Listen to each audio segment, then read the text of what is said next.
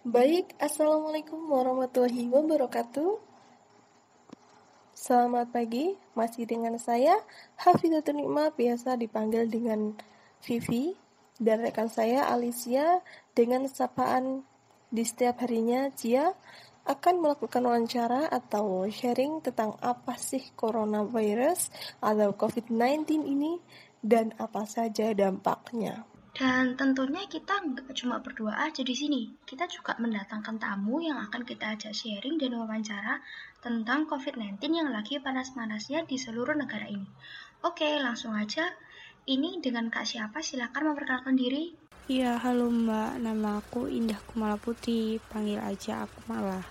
Uh, saya asli Surabaya. Saya dari Universitas Dinamika. Dan untuk saya sendiri, Lafebian dari Universitas Dinamika Surabaya. Oke, saya akan nanya nih, apa sih pandangan kalian tentang adanya virus corona atau COVID-19 ini yang sedang marak-maraknya di seluruh dunia ini? Terserah nih, siapa dulu yang yang mau berpendapat? Boleh dari saudari Mbak Indah Kumala atau saudara Lafian, silakan. Saya jawab ya. Kalau menurut saya virus corona ini merupakan virus yang baru yang muncul ya. Baru muncul. Dan menjadi momok atau pandemi pada kalangan masyarakat saat ini. Dan kalau menurut saya sih saya baca di media-media gitu virus tersebut ini merupakan asal dari Tionghoa ya yaitu karena dia memakan kelelawar mungkin memasaknya tidak bersih mungkin bisa jadi makan dengan mentah-mentah gitu. Nah sedangkan kelelawar sendiri itu mungkin kan banyak virus-virus yang berbahaya. Eh, sedangkan virus itu masuk ke tubuh manusia nah mengakibatkan manusia tersebut terkena virus yang ada di kelelawar tersebut jadi menurut Kak Lave, virus corona ini atau COVID-19 merupakan virus yang menyebabkan momok bagi masyarakat. Nah, kenapa sih COVID-19 sampai menjadi momok bagi masyarakat? Gimana nih mungkin Kak Mala bisa memberikan pendapatnya? Jadi gini, mungkin saya akan sedikit menambahi pendapat dari saudara Lave. Benar seperti Mas Lave katakan tadi, yaitu virus corona atau COVID-19 yang sangat ditakuti oleh masyarakat. Itu kenapa? Karena virus ini memiliki gejala dan bisa mengakibatkan kematian pada oknum yang terinfeksi virus ini. Jadi agak sedikit serem ya. Gitu. Makanya menjadi momok bagi masyarakat sekitar. Dan yang aku tahu jumlah pasien yang positif corona atau COVID-19 ini yang aku baca dari artikel itu di Jakarta mengalami kenaikan. Saat ini jumlah tersebut mencapai kisaran 720 kasus dan data tersebut berdasarkan website yang aku baca yaitu corona.jakarta.go.id yang diakses di putar6.com nah dalam laman tersebut itu juga dituliskan jumlah pasien yang ditanyakan sembuh, sembuh itu sebanyak 48 orang. Dan yang meninggal itu 76 orang. Yang masih mendapatkan perawatan 445 orang. Dan isolasi mandiri ada 191 orang. Nah selain itu juga jumlah yang masih menunggu hasil sebanyak 599 kasus. Kemudian sebanyak 462 kasus yang telah ketahui titik penyebarannya berdasarkan kelurahannya itu dan sisa 258 belum diketahui. Sementara itu, jumlah pasien yang terkonfirmasi positif corona atau COVID-19 ini di Indonesia hingga saat ini terus bertambah. Itu jadi kan sedih banget kan terus penanganan pen, pemerintah yang menangani corona itu katanya jumlah pasien yang dinyatakan positif COVID-19 itu pada minggu tanggal 29 Maret 2020 kemarin bertambah sebanyak 130 kasus loh. Oleh karena itu total keseluruhan pasien COVID-19 ini karena virus corona di Indonesia menjadi 1000 185 orang. Banyak banget gak sih Allah. Nah kabar baiknya itu juga katanya pasien sembuh dan bisa pulang itu bertambah menjadi 5 sehingga total totalnya menjadi 40, 64 kata si penanganan dari rumah sakit itu itu kemarin. Itu katanya jumlah pasien yang meninggal juga bertambah hingga saat ini ada akumulasi menunjukkan ada 114 orang yang meninggal karena corona Wah, saya tertarik nih dengan pendapat dari Mbak Mala. Jadi, virus ini atau COVID-19 atau coronavirus ini membuat atau menyebabkan masyarakat panik. Kenapa? Sehingga masyarakat banyak menimbun seperti hand sanitizer, alkohol, sabun, masker, dan banyak lagi produk-produk lainnya tentunya seperti mie instan, uh, bubur instan, sesuatu yang instan pasti banyak banget peminatnya sehingga sangat minim di seluruh negara. Nah, bener banget tuh, Vi. Dari kemarin ya, juga aku lihat banyak orang tuh yang posting, dia tuh beli makanan banyak banget, terus buat dia simpen, buat ke depan-ke depannya, karena dia tuh takut kelaparan, saking paniknya gara-gara adanya COVID-19 ini. Terus juga ada orang yang jual harga masker itu melebihi harga yang biasanya, karena dari COVID-19 ini juga. Terus alkohol, hand sanitizer juga, semua orang kan lagi harganya tuh dinaikin semua gitu loh nggak kayak normal kayak biasanya. Terus ada juga orang yang membuat sendiri hand sanitizernya tapi belum ada BPOM-nya jadi mungkin ada orang-orang juga ragu untuk membeli hand sanitizer tersebut. Nah terus dampak apa lagi sih yang menurut Kak Mala dan Kak Lafe ketahui dari COVID-19 ini? Hmm, banyak sih kalau dampak-dampak yang dihasilkan karena adanya virus ini yang saya tahu sendiri mungkin di antaranya seperti dolar naik, krisis ekonomi, persediaan produk-produk dan sandang pangan yang habis ludes.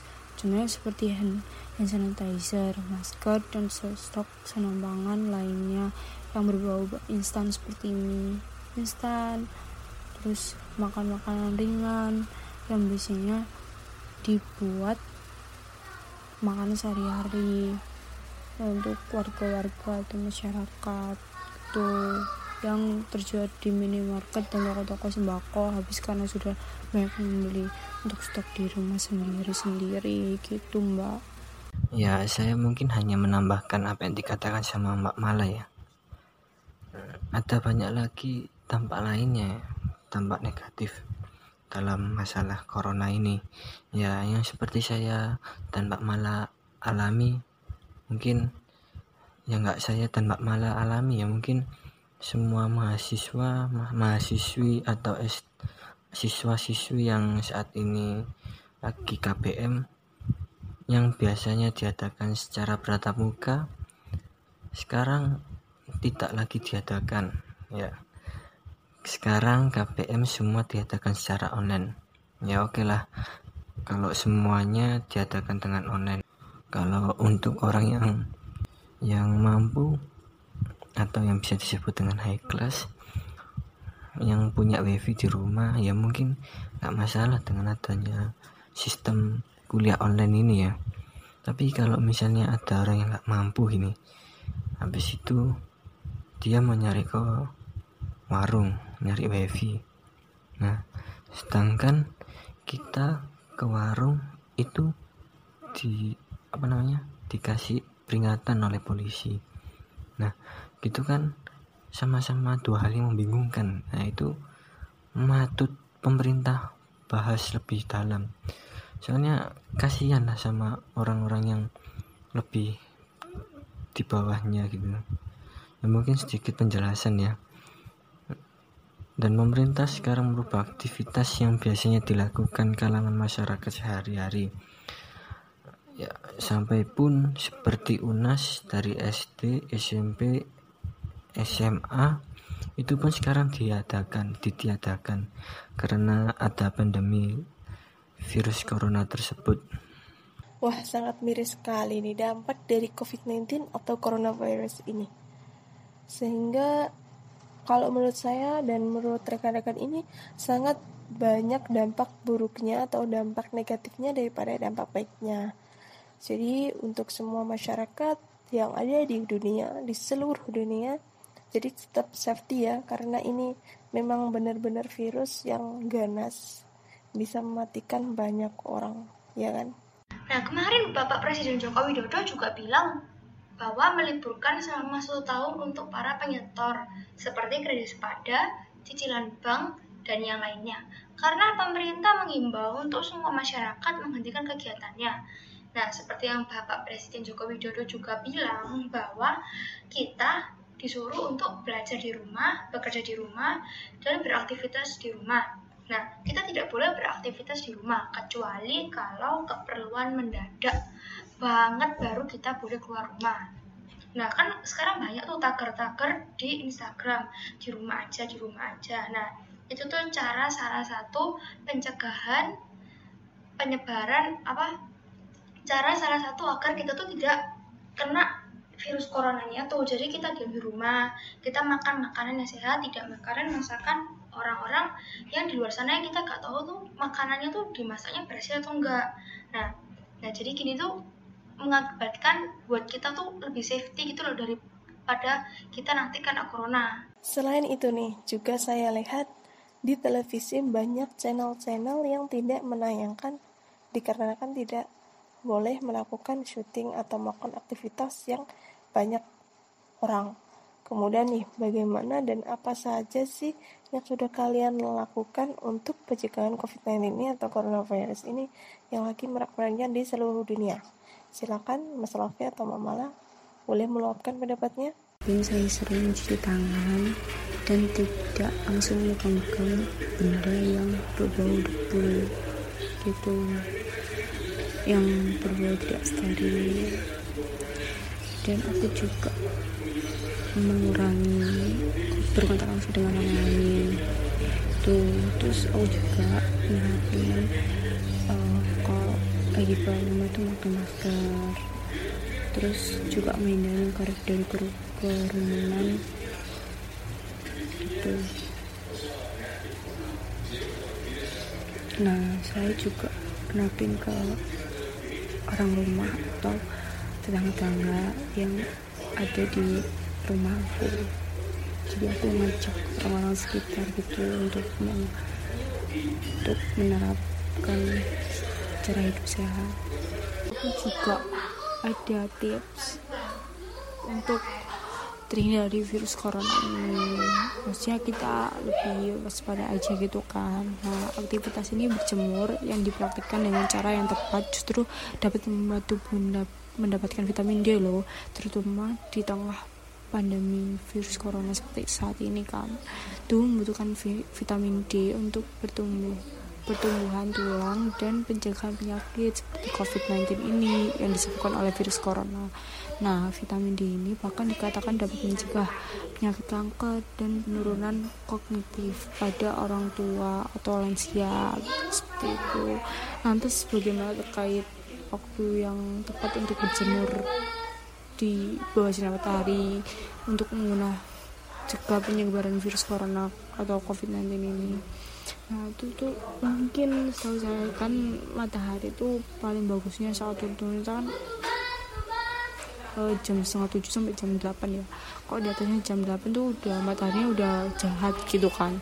Udah bikin itu tapi ya itu sebaiknya tuh di setengah tujuh sampai jam delapan. Itu kan matahari masih kayak matahari. Aku tuh pernah kan uh, berjemur di habis mandi gitu berjemur di kisaran jam segituan tuh mataharinya tuh kayak wangi gitu loh. Bayangin sih kayak sehat banget gitu loh. Nah jadi mungkin bukan karena mataharinya sih mungkin paparan si mataharinya tuh di sel-sel kulit, kulit kita tuh bakal bakal kayak merasa gitu. Mungkin buat men, menjaga imun juga buat daya tahan tubuh kita makanya. Itu harus sehat harus rajin-rajin biar sehat. Jaga bukan hanya cuman masker tutup mulut dan cuci tangan tapi imun kita tuh juga harus terjaga gitu agar tidak terserang penyakit atau bahkan virus corona yang sangat menakutkan ini. Kan serem banget sih mbak. Gitu jadinya. Selain yang dikatakan Mbak Mala ya pemerintah juga melakukan penyemprotan cairan disinfektan ke tempat umum dan juga menyiapkan tempat cuci tangan portable di pinggir jalan atau lebih tepatnya di atas trotoar tempat cuci tangan itu.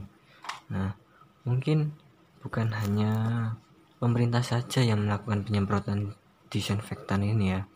Mungkin contohnya kayak di rumah saya. Nah, setiap RT itu ada yang mengordinir untuk penyemprotan disinfektan ini tadi. Jadi, setiap warga semua semua membuka matanya berkontribusi penuh untuk menyembuhkan virus ini. Sekarang ngomong-ngomong tentang dampak lockdown ini sangat membuat para masyarakat gelisah kan pastinya. Mungkin karena mereka pikir tuh kita tuh di lockdown jadi kita nggak bisa ke mana-mana. Terus kita nggak bisa beraktivitas sebebas kayak biasanya sebelum virus corona ini menyebar. Nah, Gimana sih menurut pendapat kalian tentang dampak lockdown ini? Nah, iya benar. Setelah saya survei nih di tempat saya, para masyarakat merasa gelisah. Kalau kenapa? Karena mungkin tidak ada transaksi, tidak ada perputaran uang sehingga mereka krisis ekonomi. Itu juga dampaknya yang sangat amat. Mungkin yang dibuat masyarakat saat ini gelisah mungkin ya.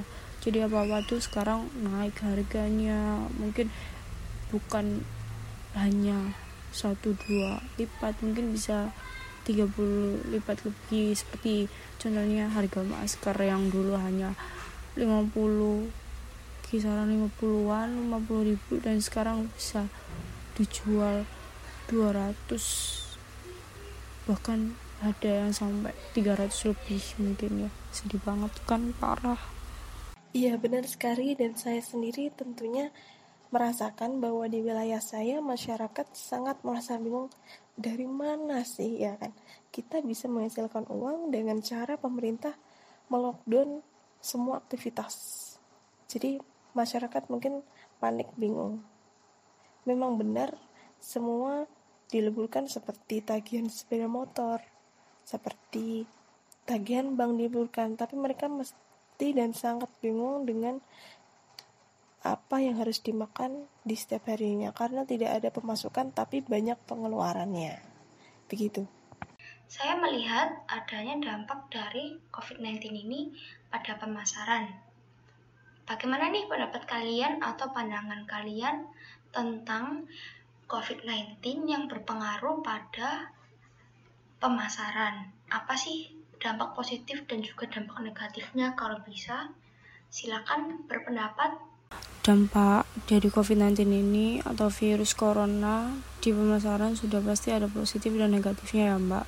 Mungkin saya saya sendiri akan menjawab dampak positif dan negatifnya itu mungkin kalau kurang kurangnya bisa ditambah sama Mas Rafael Nah, dakwahnya tentunya saya tahu sangat menguntungkan banget bagi para penjual, pedagang, apalagi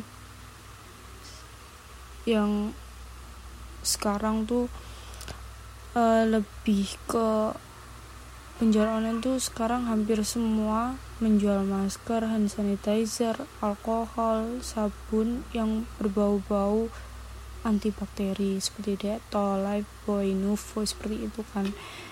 Itu juga harganya ketika timbul COVID-19 ini atau virus corona itu sangat amat naik yang biasanya harga refill saya sendiri itu pakai Nuvo kan. Nah itu yang dulu ber yang berapa liter ya? Yang kecil tuh loh. Yang kecil itu yang berapa liter itu? Mili sih yang berapa mili mili itu cuman kisaran 20 20 nggak salah. Nah 20 sekarang tuh udah hampir 40 ribuan gitu. Kan saya sedih banget gitu ya sangat pesat banget tuh. Nah semakin banyak minyak konsumen semakin minim kan barang dan harga juga. Itu semakin naik gitu. Jadi mungkin positifnya itu buat para pedagang penjual atau di minimarket atau di mall kayak gitu atau di hypermart yang bisa buat belanja-belanja stok barang di rumah gitu ya nah negatifnya tuh yaitu mungkin yang konsumen ini sangat sedih gitu. Karena harganya naik banget.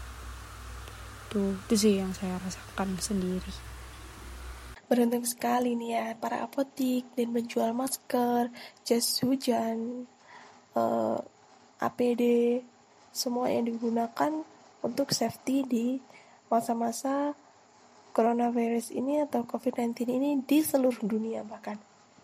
Kemudian sekarang dampak negatifnya nih, silakan saudara Lafipian, silakan mengutarakan pendapatnya. Monggo.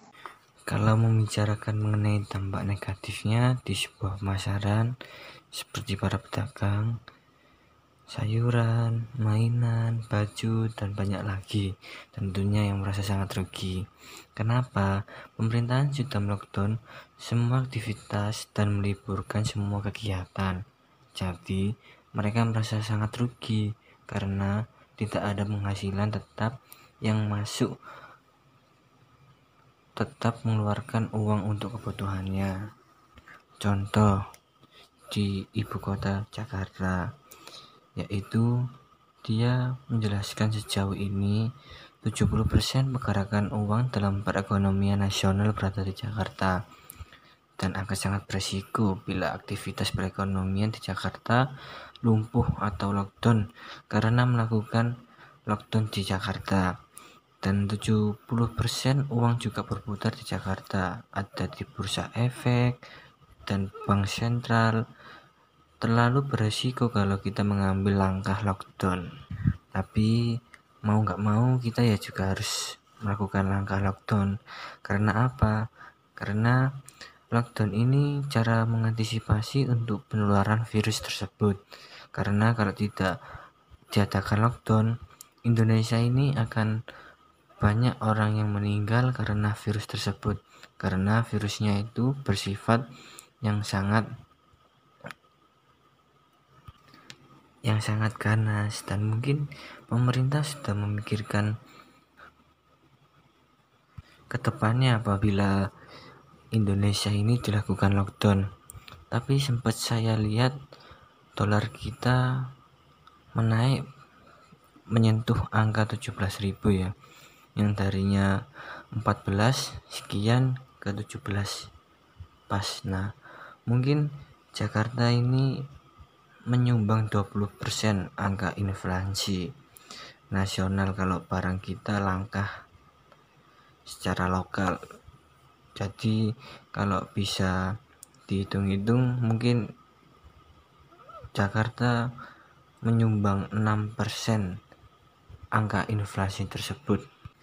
Ya, semoga saja virus ini cepat sembuh, cepat membaik dan tidak ada kendala yang seperti ini. Sangat gelisah bagi para pedagang yang pasti merasa rugi karena mereka harus mematuhi peraturan pemerintah yang memang tidak diperbolehkan untuk adanya transaksi.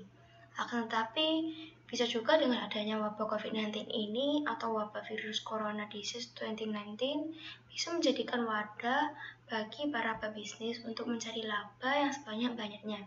Nah, caranya itu mungkin dengan cara yang baik dan maksudnya tuh cara baik itu tidak menaikkan harga yang seharusnya harganya itu lebih murah. Nah kan kasihan juga para pembeli yang sedang membutuhkan tetapi harganya tambah mahal ya kan? Baik sekian. Terima kasih untuk saudara Lapepian dan Ida Kumala sudah mau ikut sharing-sharing kepada kami tentang hot news COVID-19 atau coronavirus yang lagi merak-meraknya di seluruh dunia. Mohon maaf bila saya pribadi Hafizatul Imah dan rekan saya Alicia jika ada salah kata. Dan juga Untuk rekan-rekan yang mendengarkan, tetap safety, jaga kesehatan, jangan lupa makan agar tidak sakit. Terima kasih. Wassalamualaikum warahmatullahi wabarakatuh.